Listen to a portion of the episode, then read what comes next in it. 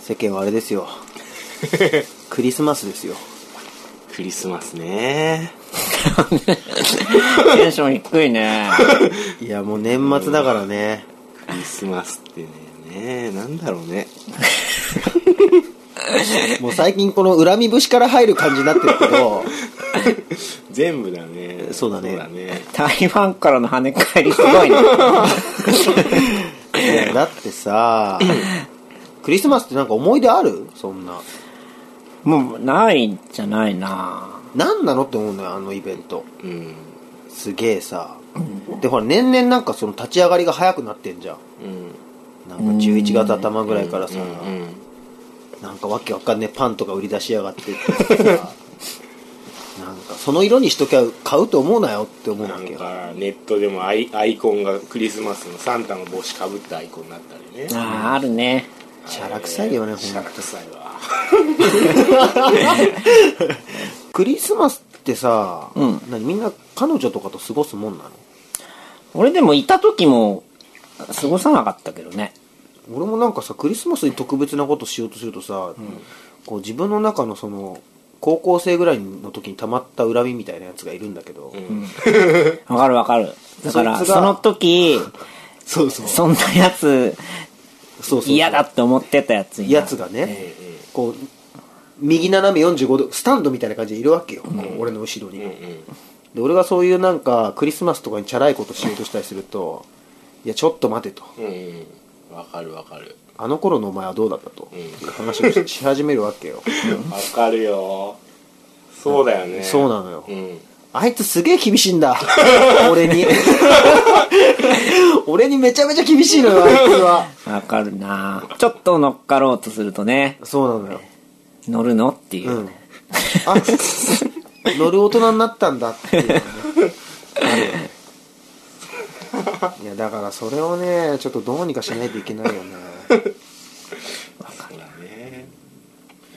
まあ暗い始まりですよね締めっぽい話になっち締ゃいめっましたねぽい話になっちゃいましたよ本当クリにスマスなのにねうんまあでも今年はね、あの、総括すると、すごいいい年だったよ。今日今年なんかすごいあれだよね、割と活動的に頑張ったよねいやー、振り返るとね、すごかった。すごかったよね、うん。何気にさ俺さウィークエンド単体としてはさアルバムとか出してないから何とも言えないけど、そうなんよ。いや俺アルバム1枚や2枚分ぐらい作ってると思うんだよねそうそうそう。アナもね、アルバム出したのは去年なんやけど、今年はなんか、そう、振り返ると、なん、なんやらかんやらやったなっていう。そうだよね台湾も結果行ったし、それもカウントされてんの いやいや、海外行くなんて俺にとっちゃさ、そうだね何年後のことかと思ってたけどさ、なるほどねなんだかんだでやってやったなと思ってね。今年はやったよ X もさ、まあ、曲ね、出し、2曲で結果出したし、そうだねそしてイベントも3回、んやったでし3回やょって、それも毎月始まって、うんそうでしょ俺だって今年大久保君の思い出しかねえもん ほぼ CM も2本やって、ね、プ俺ロも CM2 本3本ぐらいやってプロデュースも2本ぐらいややっったやろて俺忙しいんだけど金が全然ねえのは何なんだろうそうすげえ不思議な状態だよね来年はね、ちょっとこれにこう収入を そうだ比ね例させていきたいですねそう。だねそうですねじゃあちょっと気を取り直して、はい年末特番行きましょうかで。みんなこのテンションで言って大丈夫 大丈夫大丈夫大丈夫大丈こんな感じ大丈夫夫大丈夫大丈まあ次、あの、これから、すごいやつ来るから。そうなの今日はさちょっと今お貯めとかないと、これからのね今ブースの向こうに 夫います来てますけどもこれからすごい今日はモニカさんっていうね待望のすごいゲストが来るんで大人気の俺たちより人気 があるもうその辺をちょっとみんなで糾弾していき たいと思います今日はなのでそんなわけでじゃあ行ってみましょうタイトルコールはい。アナ、大久保とウ、ィークエンド先生のレディオレックス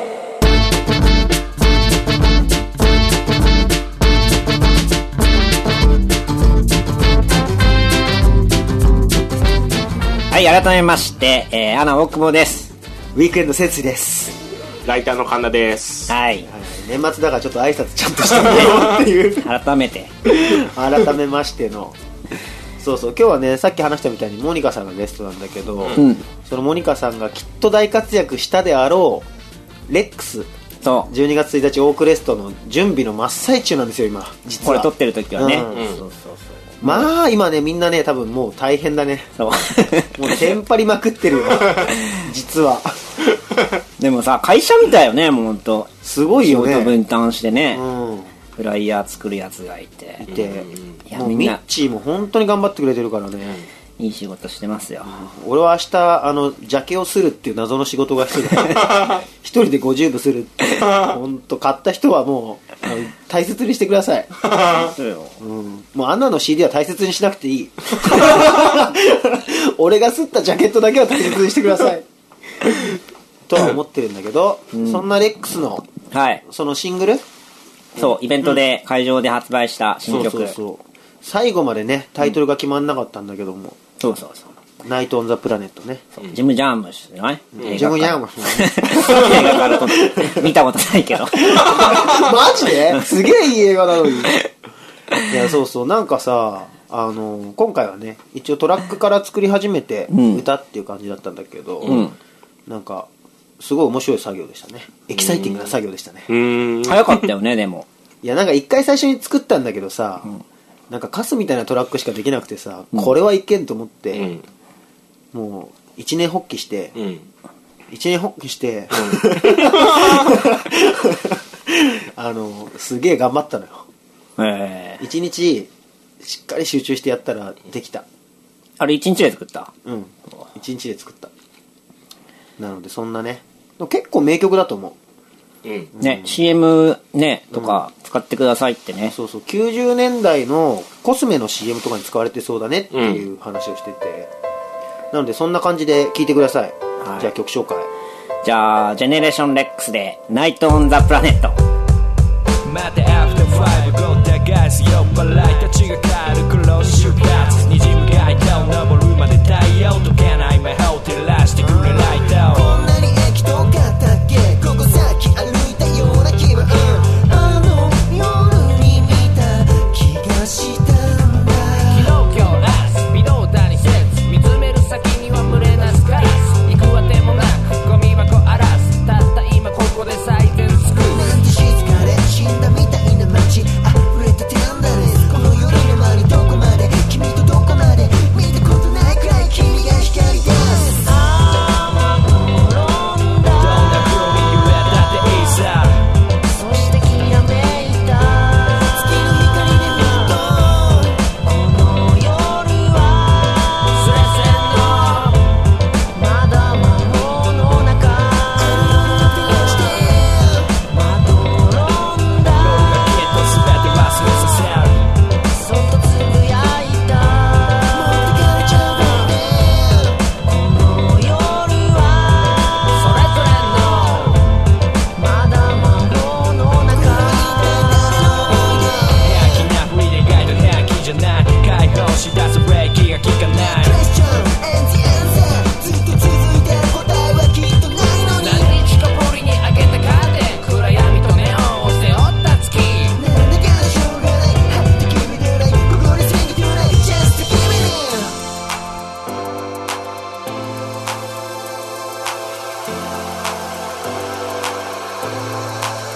「朝の光までのジャーニー」「続いてくタイムラインと」「朝の光までのジャーニー」「終わらない僕たちの話」「朝の光までのジャーニー」「わけもなく開けてくよ空に」「朝の光待ってのジャーニー」「朝の光待ってのジャーニー」「雨どろんだ」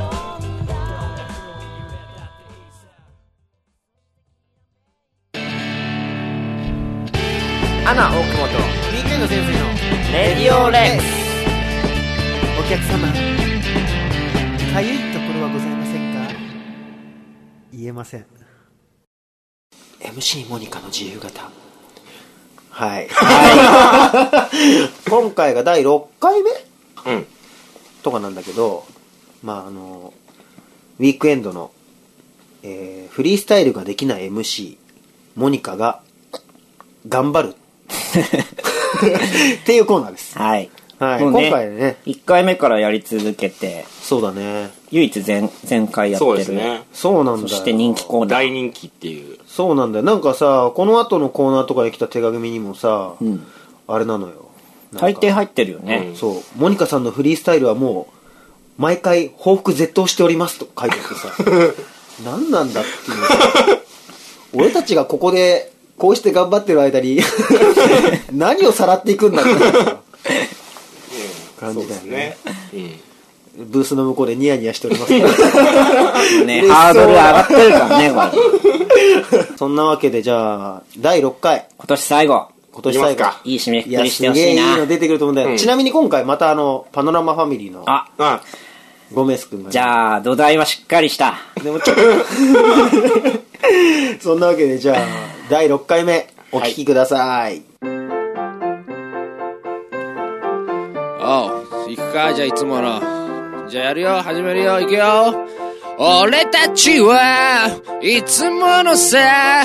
怪しいゲームをやるのだよ。はお、どんぐりゲーム、どんぐりゲーム転がせよ。転がり方がいいやつの勝ち。どんぐりゲーム、どんぐりゲーム、ひであぶれ。最後にみんなで食べるんだよ。おうそんなゲームこの世にはねそれを言い出したのはこの例俺はきっと何か新しいものを見つけるのが好きだからといってちょっとカウンター気味にこの日を選んだ俺そして引っちはきっと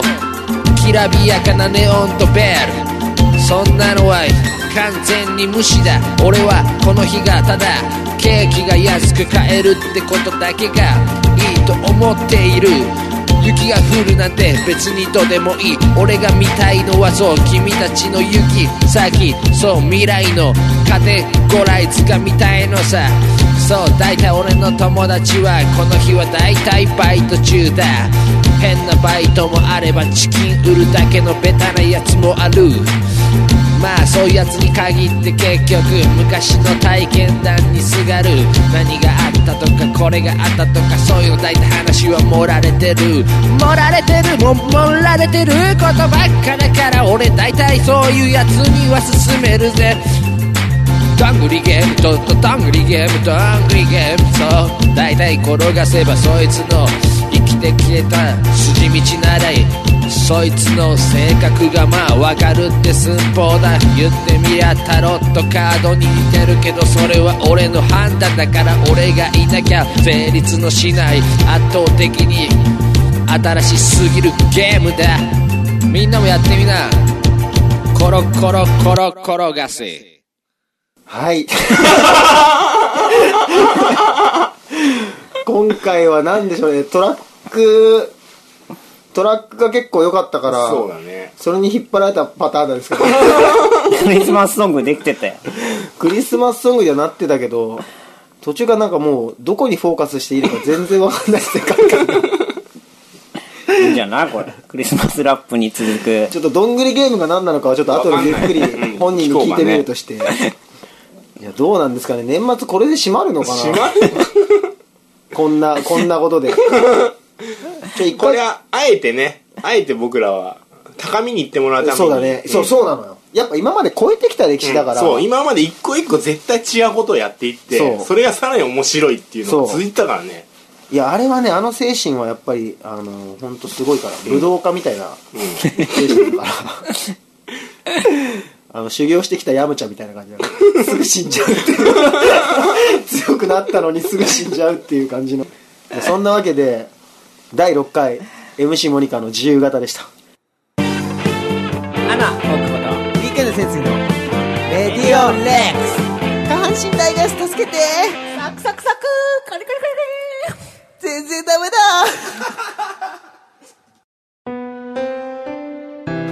とテレビもある電話もある車がビュンビュン走ってる100年前に提示した夢を叶えてきた人類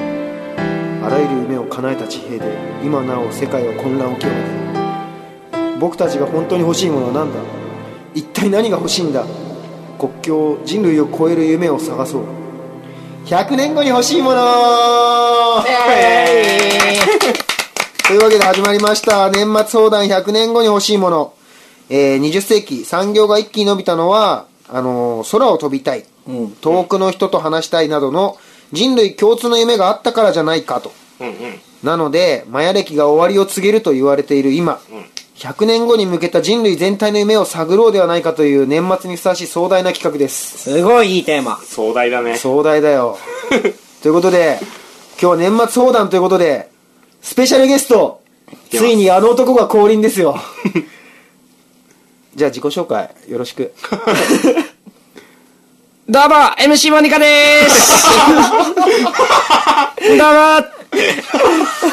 日は来ちゃいました、自由から。自由だから来ちゃいました自由自由から来ちゃったんだねイェイイェイ。レックス。レックスをジャックしに来たぞ。ジャックレックス。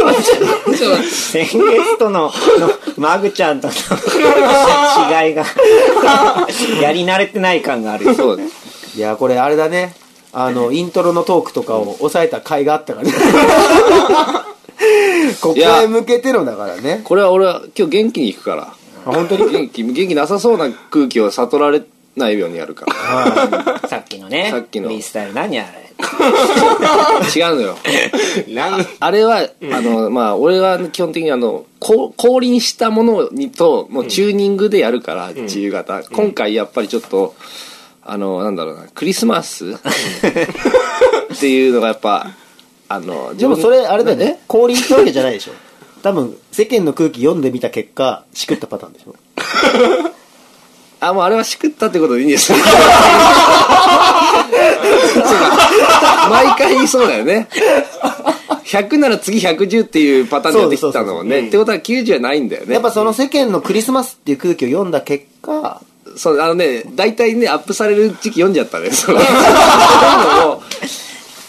そうだろうなとか。ちなみに補足すると、あの、ウィークエンドのモニカ、はい。えーっと、もしくはビデオの大谷くん。はい。はい、大谷学ですね。だからあれですね、あの、なんですか、綾小路翔と、 あの、もう一人の、なんとかす、大妻。オズマのパターンの一番あの緩いやつ ですね積み上げできてなそういパそうターン。境目がいまいちグダグダになってるやつだと思います どっちもパッとしてないよ、多分。じゃあまあ、そんなわけで早速やっていきましょうか。はいはいははいい、じゃあなんか投稿が来てるので。はい メッセージはい。じゃあ、えーっと、ラジオネームもつこさんから。はいありえがーとうございます潜水さん、大久保さん、神田さん、こんにちは、お帰りなさい。ただいまだいまでただいすま。ですえーっと、台湾での写真がいい感じで、私もまた行きたくなりました。あ、なりちゃんのね。なりちゃんまだブースの向こうにいてくれますけどいもますけどね今回の「レディオレックス6」えっ、とモニカさんも出演するようなので本当に楽しみですほら。あー憎いわおお嬉しいすげえ憎いわ さて100年後に欲しいものですがやっぱりタイムマシーンが欲しいですタイムマシーンがあったら学生時代に戻ってバンドをやりたいですですって書いてあるけ ど皆さんはタイムマシーンで戻りたい過去や行きたい未来はありますか ?PSFacebook にあった「マン」という標識は、はいはい女行という意味のようですよってことですそうなんですねですはしゃいだ写真ですねそうですねそれはみんなちょっとチェックしてください、はいってことでタイムマシーンが欲しいということなんですけども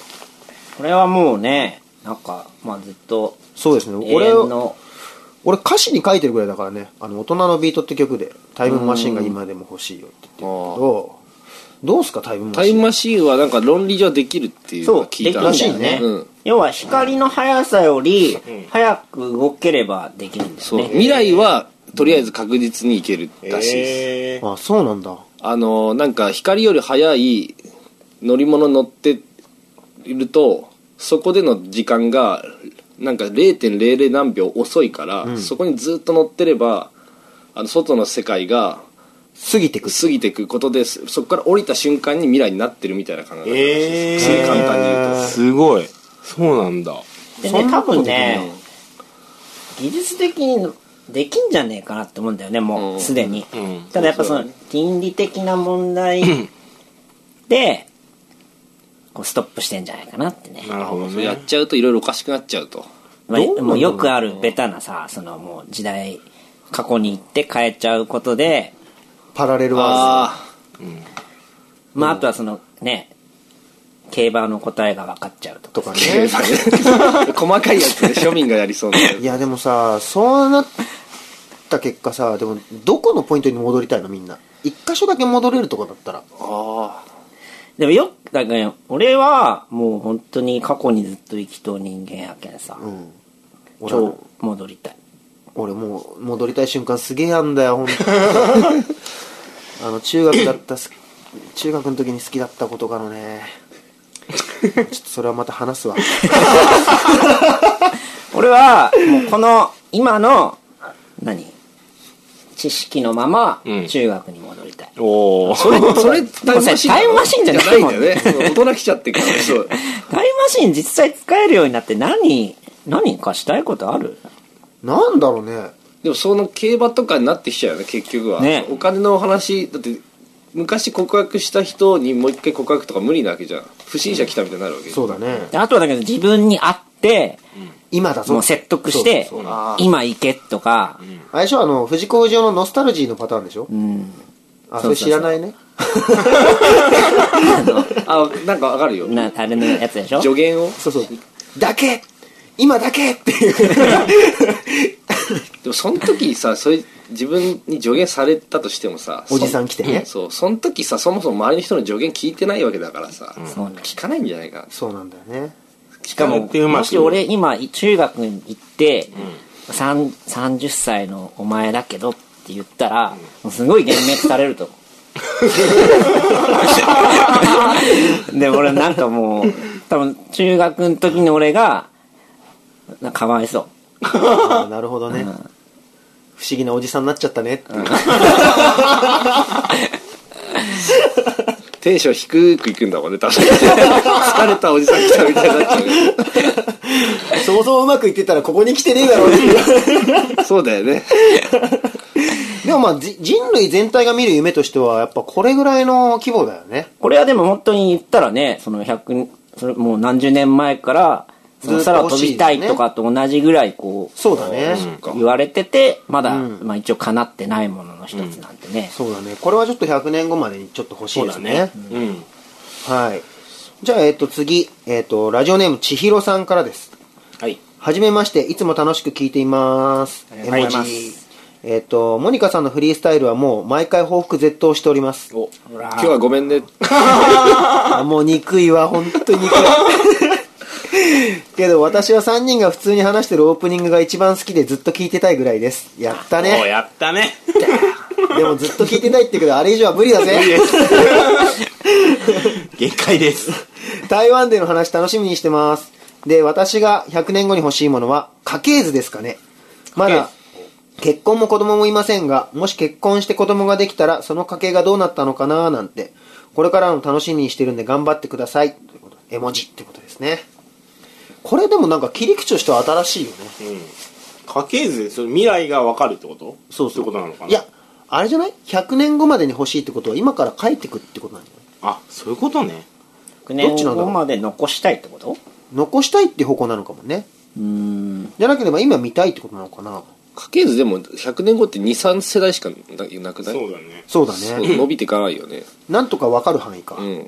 か過去のは知りたいけどねあそうだね。うんでも伸びてなかった時の悲しさあったらない よ。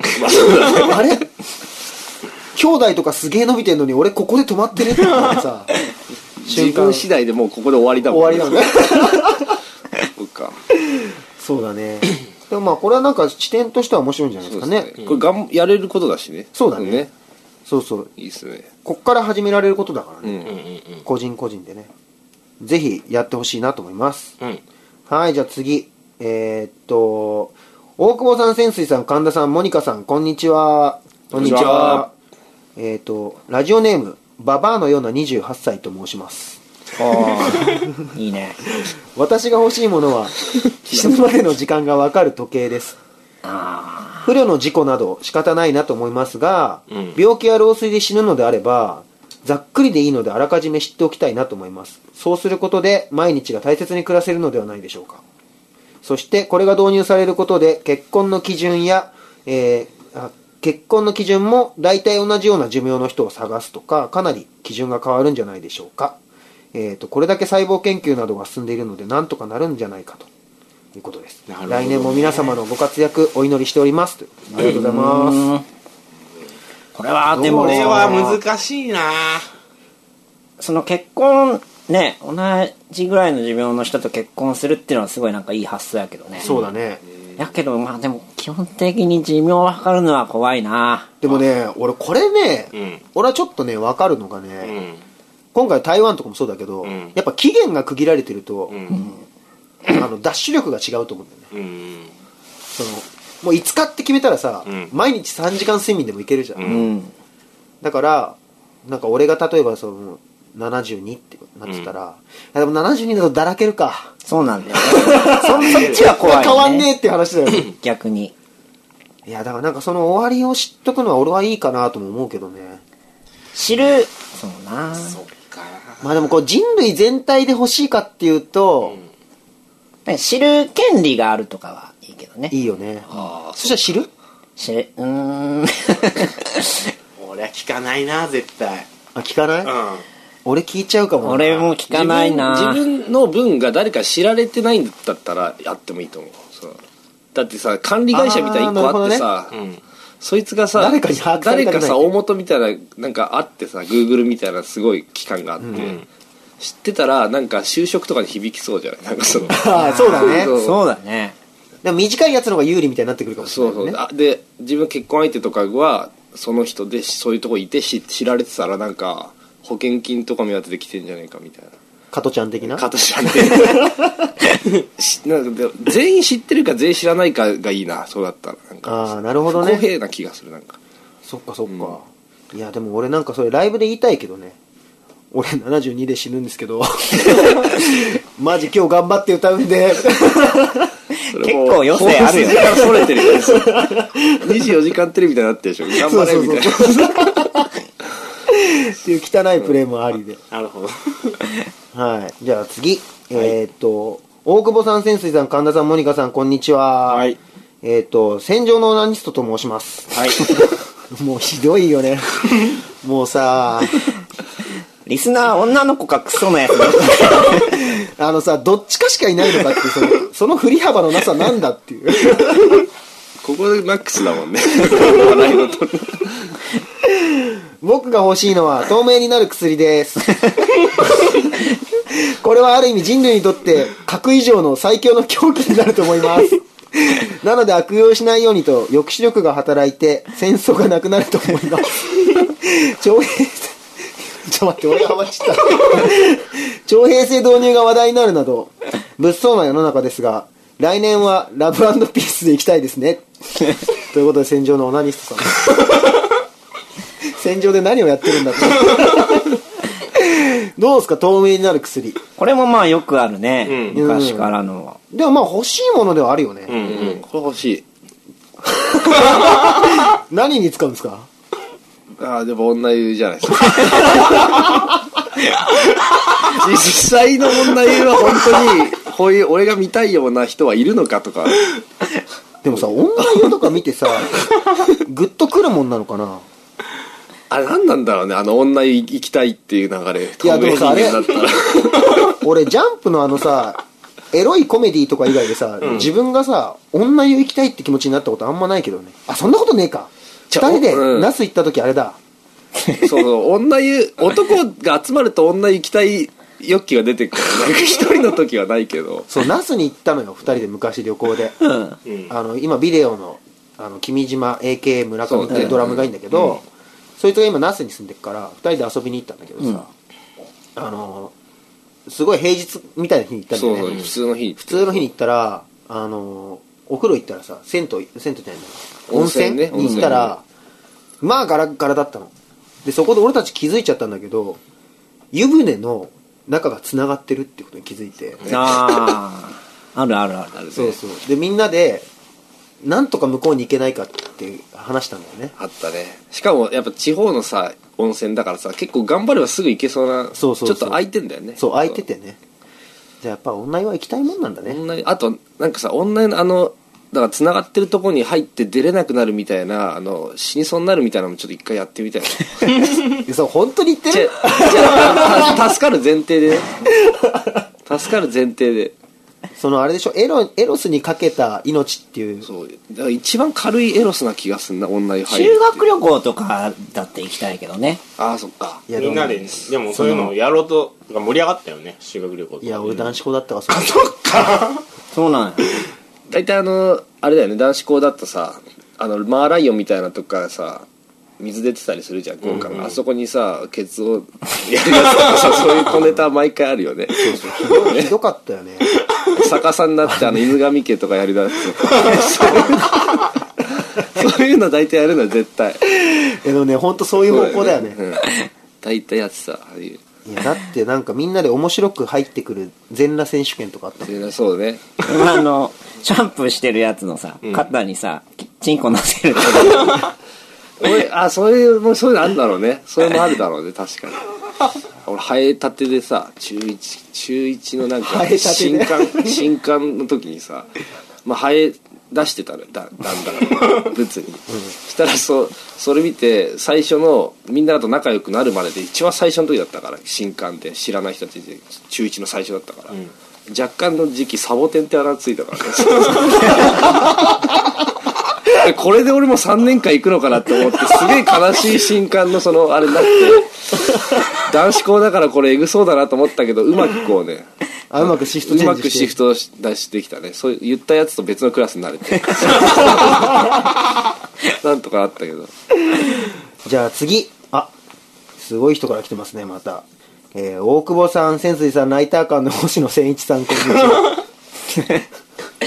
星野源源から千一へっていう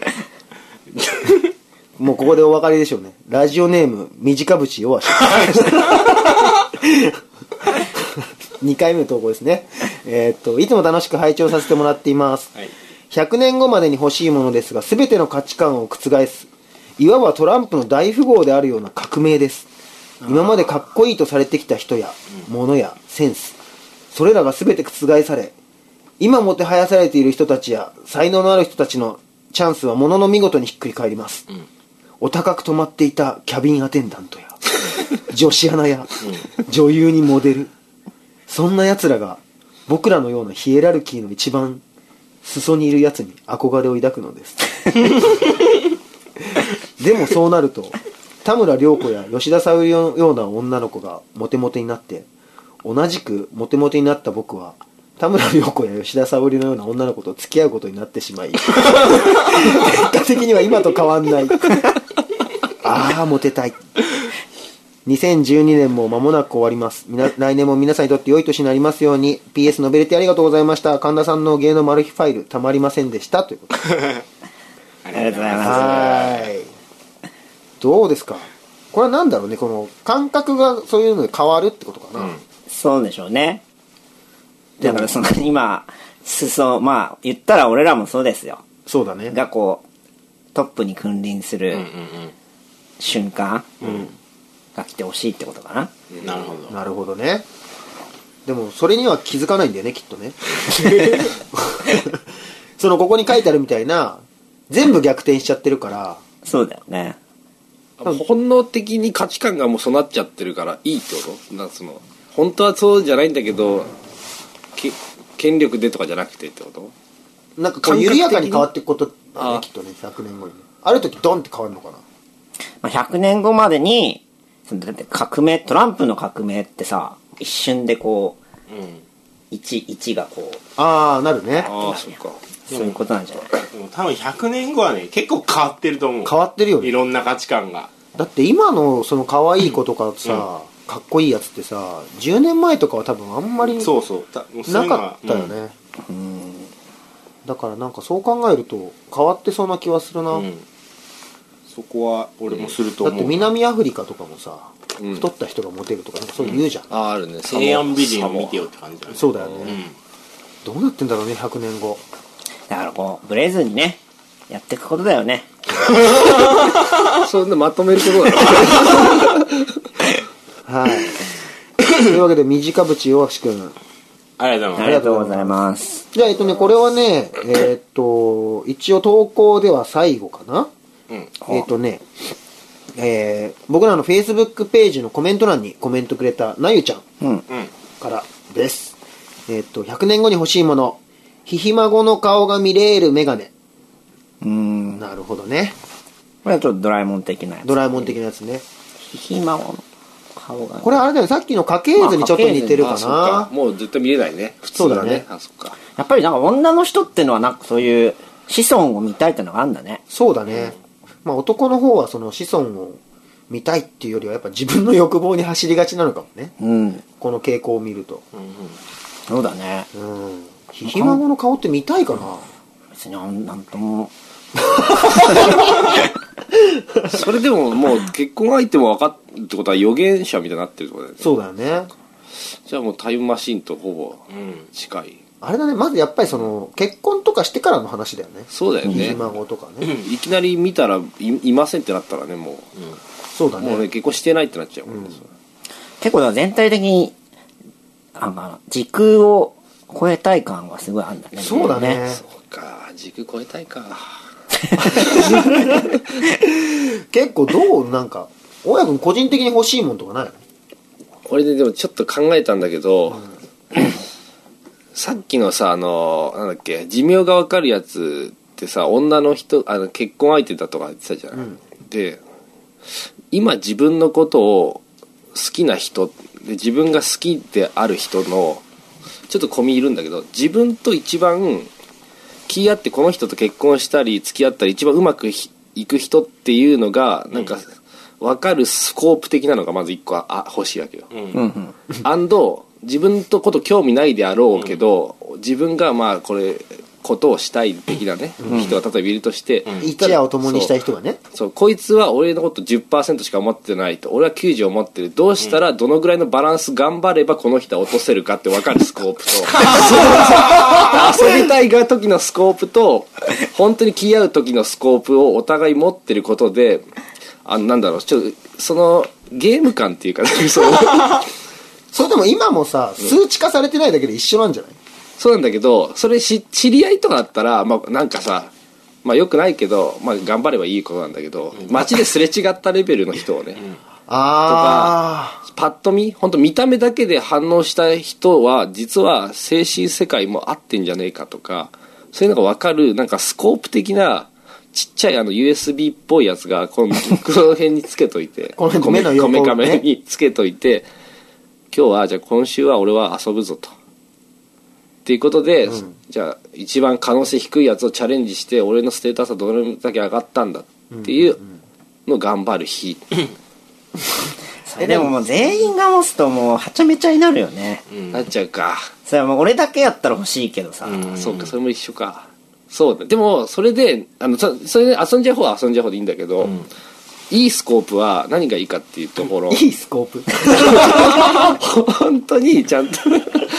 バカな話してるけどだからその、その今、すれ違った女の子が、その村上春樹的に言うと、自分にとって100%かっていうのが分かるってことでそしうょわかるしかもそれはどっちかというと運命とかいう方向じゃなくて、この人といいるあとーせあの体温が近いですとか、なんかそのちょっと数値化した。数値化してこの人とそれこそ寿命とか。そうそう子供を産むとあのとても優秀な子が生まれますと自分にとって都合いい子生まれますとかの、なんか統計みたいなのがもうデータ化されて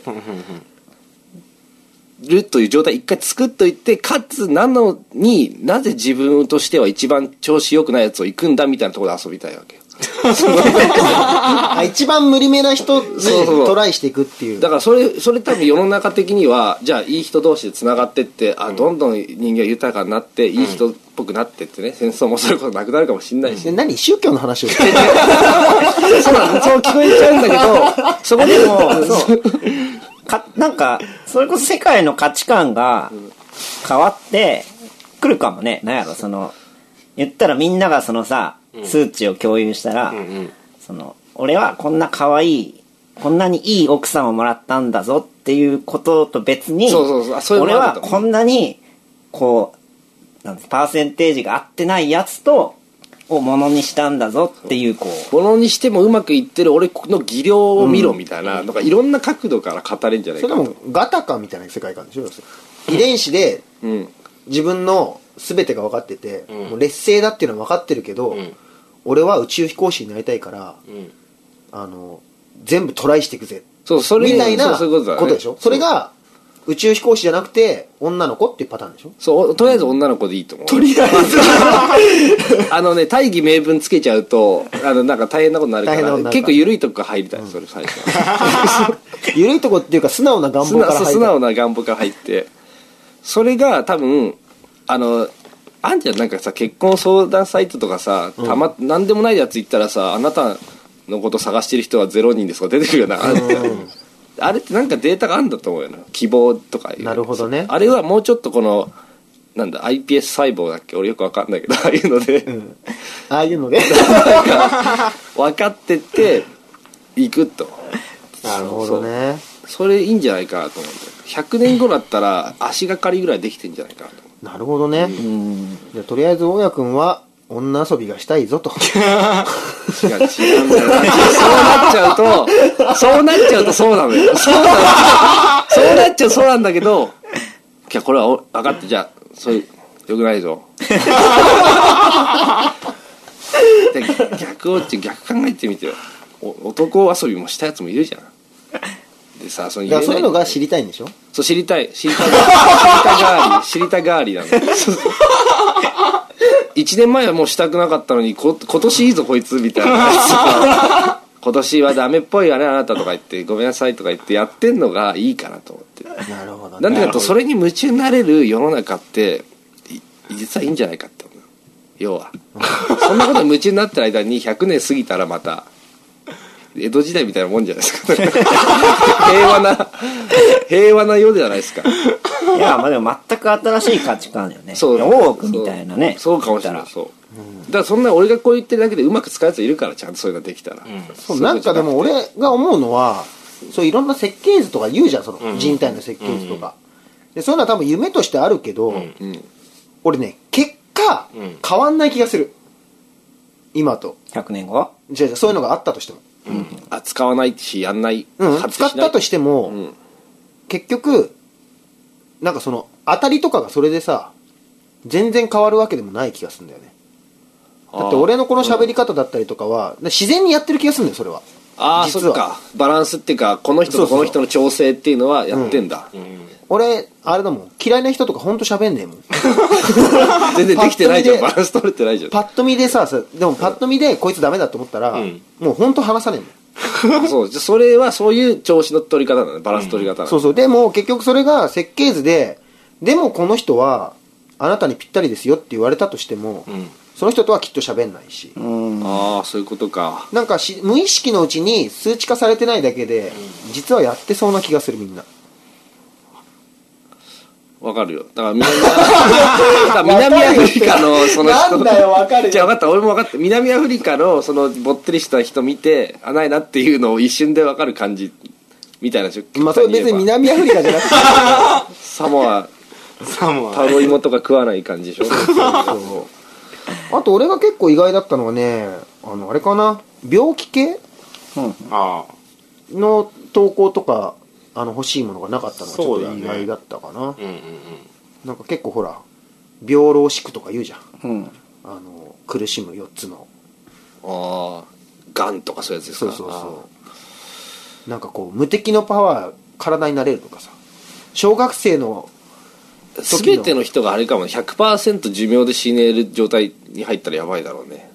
でも来るよね下手したらね、うん、じだ事故っていうパターンかでもそれだけでもほ免られれば今さあのアイサイト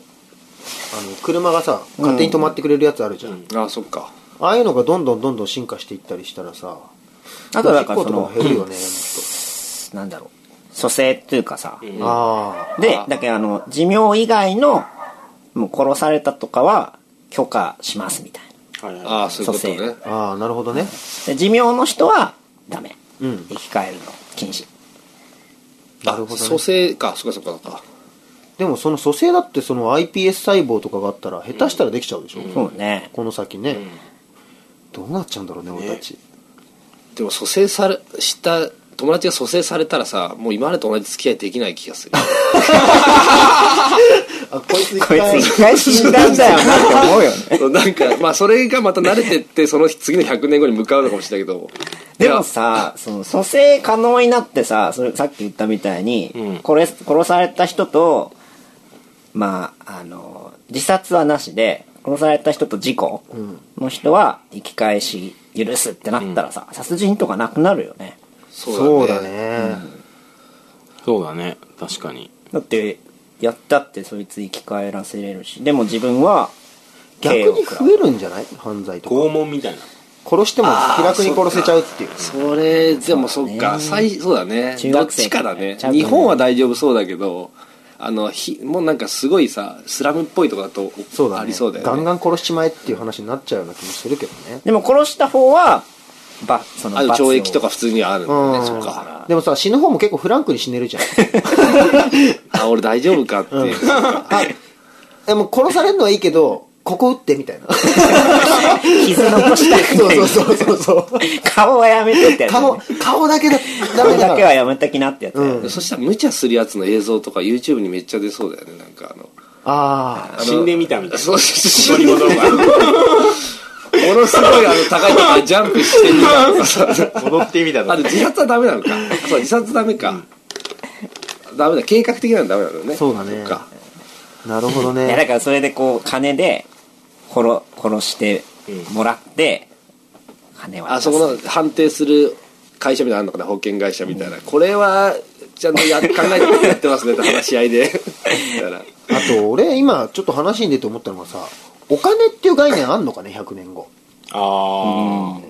すげえ今のさ俺らとか俺の下が頑張ればなくなりそうだよねなんかさもうちょっとその貨幣制度みたいなのがさあもうやばいよねやばいじゃないもう若干もうおかしいからなんかどっかのタイミングでいきなりなくなるってパターンあるんじゃないかなと思うんだよね原点回帰する可能性はあるあよるねよねでもそうなった時にお金に変わるのって何なんだろうっていうね何なんだろうねなんだろうな真心じゃないですか奉仕するあでも保護司とかになってくるかもうんねでなっちゃって奉仕しないやつもいるからなそれもそれでかわいそうだしねでもさもうお金なくなってその奉仕がお金の代わりになったら奉仕せざるを得なくなるから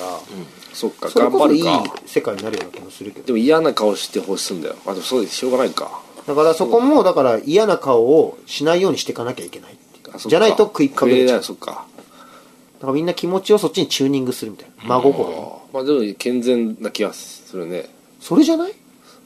100年後100年後早くない100年後真心真心から、しこれ宗教っぽいね今の話は なんだろうねこれなんか夢のこと話してるとみんな宗教っぽくなってくるねそうだ ねでも多分入りゃそうなんだろうね宗教でも宗多教分とかそういうことでしょそうだね、ということでお金をって話になってきちゃうからおかしくなるんだよねそうですねちなみに神田君欲しいものは僕はですねもう全くはベクトル変わるかもしれないけど、完璧な傘が欲しいおーああそれはいいねそれすっげえわかるわ傘って進化してねえんだよねそう俺もこの間話したあ本当そうそうそうそうなんだよ本当傘って本当めんどくさくないいやわかるわかる傘ってあの雨の傘雨でしょの傘完璧な傘が本当欲しいねだってさ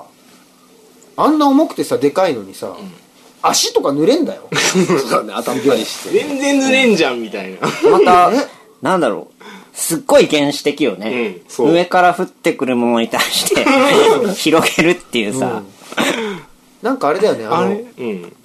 全身スーツみたいなのがあったらいいのかなそうななんだろうだからバリアーで雨が全部 弾かれる弾かれるとかさそういうそういう発想しか思いつかないけどなんか進化の余地あると思うんだよね傘ってそうだよねあとすごいのがさ傘ってさぜ言ったらさ人口の分あればいいわけやうん そうだね、うんなのにさ、うんずっと言ったら売れ続けようわけや、んうんうんすごいよねなんか いやなんか俺その好きな話でさその傘は自由化すればいいっていうさ、で本当にもう駅とかにあって、うん使いたい人使って、だからちょっとそのなんか傾向はなきにしもあらずだあけどらずだようねん、自転車とかそうなってんだよそうね海外とかあそうなんだ、うんもうだから乗り捨てでまた新しい人はそこから乗ってってまた別のそのあの置き場みたいなところに捨ててそうそうそう誰も傘と自転車はねこう誰もこう所有してなければ、まあその今傘会社は困るやろうけど、うんまあ、それは定期的にこう国が買ってやってあげればよくて、そうだよそうねだ傘の傘にアイデンティティ見出す人とかいないもんねうんでもたまにいるけどねあそうかいいんだあのよくわかんねえ女の子とかさすげえ高級ブランドの傘とか持ってる子いるじゃんあそうかなんかあそこに俺傘なんてなくすもんだと思ってた らそこに金かけるなんてかおしゃれっていう観点がある、うんそうだねやっぱおしゃれなんだ よ邪魔なのはおしゃれとかああいう意識なんだよ、うんあれ良くない傘そうだね言われてみたら確かにそう傘だけはほんと納得できないね雨雲をさすごい勢いで吸うチューブとかがあったらいいんだよねシュッつってあ一瞬でねそうでダムまで直通で水分を一滴も逃さずに、それそうか頑張ればできるか宇宙エレベーターやろうとか言ってるぐらいだもんねそうだよね雨はだってねあ中国は降らしちゃってるぐらいだからねえそうなの人工的に中国降らしてますよねあそうなんオリンピックの時すごくないへえそうなんだミサイルで雲を作ってやあってたよねへええあそんなことがあんのな怖いね大久保君100年後欲しいもん何があんの僕ねあのねあの共世界共通言語ああー特に今台湾に行った今 っていうのもあるし、まあなんかほら前回ちょっとこの企画の時に話した時にあの翻訳、うんこんにゃくとかね出たけどまあっていうよりももう根本的に言語がってことうんね、、もう全員共通のでそれまあ言ったら英語がそうなんやろうけど、うん今更そう言われてもっていうのがあるからでも大変で100あ年一後応ってでこともはさあるんだよね世界共通言語世界共通っていうかそのエスペラント語っていうもうみんなこれ使いましょうっていう今から、うんえー、そうなんだ人工言語へーなんかね結局その空飛ぶとかさまあその100年っていうやつもっとこう何何万年、人類で考えた時に、一番のこの発明ってやっぱ言語や、うんだからもうネクストレベルに行くためには、うんその言葉をまずこう一回調整しないといけないんじゃないかないっやてで思もうよ分ね、かる分かる言葉ってやっぱりすごいやっぱ難しいよね、例えばさ「ソウル」とか言った時にさ「魂」って略すけどさ、多分向こうの人のソウルと魂って若干違うじゃん、本当違うは違う全然違う全然違うじゃん、んだってそのソウルフードっていうぐらいだからさその同じ魂みたいな使い方はしてるだろうけど、そのイメージしてるものは全然きっと違うわけじゃんなんか完璧に重なってる訳しあの翻訳なんかないんじゃないのそうだよね、とかなってく全る部とどっかでずれてるでしょそうそうそうなってくるとさやっぱりさ相当違う感性で生きてんじゃんうんだから共通言語っていうので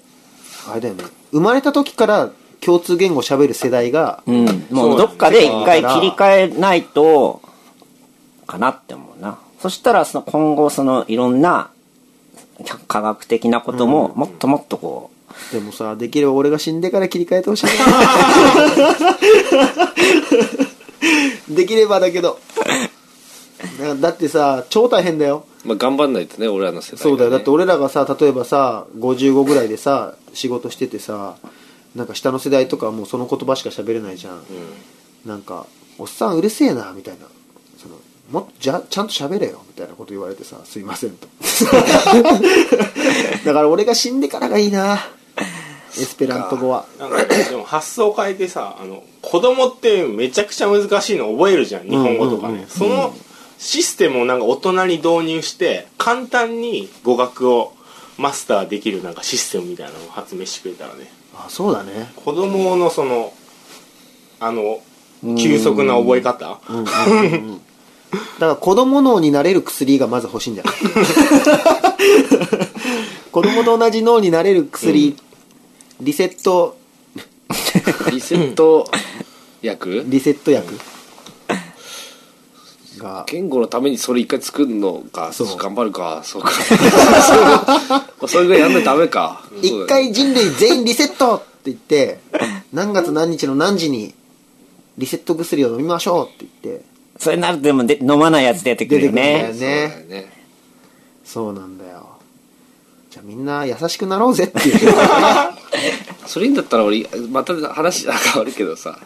全員がさ全員同じ時間にジャンプってやつやってみ たいな本当にあの全全70億人全員が本当にちゃんとやるやつ全員ならやりたいよね一回やっぱそういうのでちょっとずつ試していくっていうのがいいかもねそうだよね、じゃあ全員ジャンプ今回いけますかみたいなじゃあそのや薬も、だって俺都市伝説で聞いたことあるけど中国の人が全人口が一世の背でジャンプすると、地軸がずれて地球が滅ぶって、追われる2つになるみたいなそれ本当にある種一番の夢かもしれないね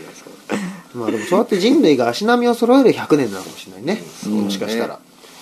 そうしないとなんかいいもの発明してもニッチもサッチもいかないのかもね、じゃあここであのゲストのモニカさんがあそうですねあの1曲僕がやってるあのウィーケンドとは別でやってますよねあのビデオっていうバンドやってるんですけどそれの、えー曲を聴いてください独唱でねさくあ違うじ 早いゃんもうちょっとやったらいいそれじゃちょっとわかんないそうだよラマで言った方がよかったね直太朗って感じのねえっとビデオのビ決明詞かもしれないですえ何デオのなんだっけビデオのスローモーション聴いてくださいあ、はい、じゃあ、えっと、23クスってアルバムからから、ね。えースローモーションです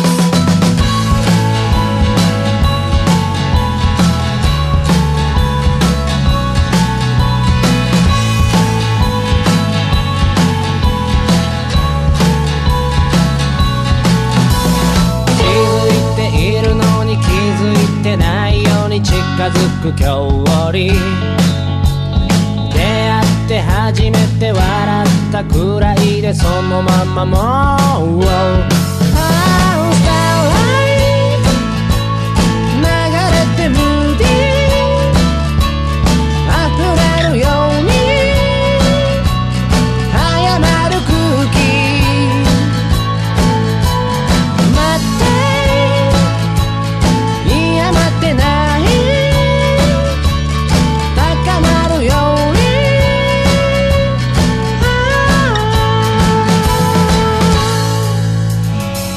開けてよくくたくたたたずみ二言三言交わし止まった時間も友通りぼやけたままいるよあの表情ハイライト静まる空気かすめる脳裏慌てた急にだっていやまた次つぶやくそう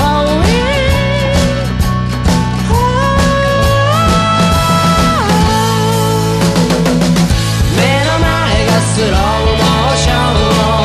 目の前がスローモーション目の前がスローモーションすべてがスローモーショ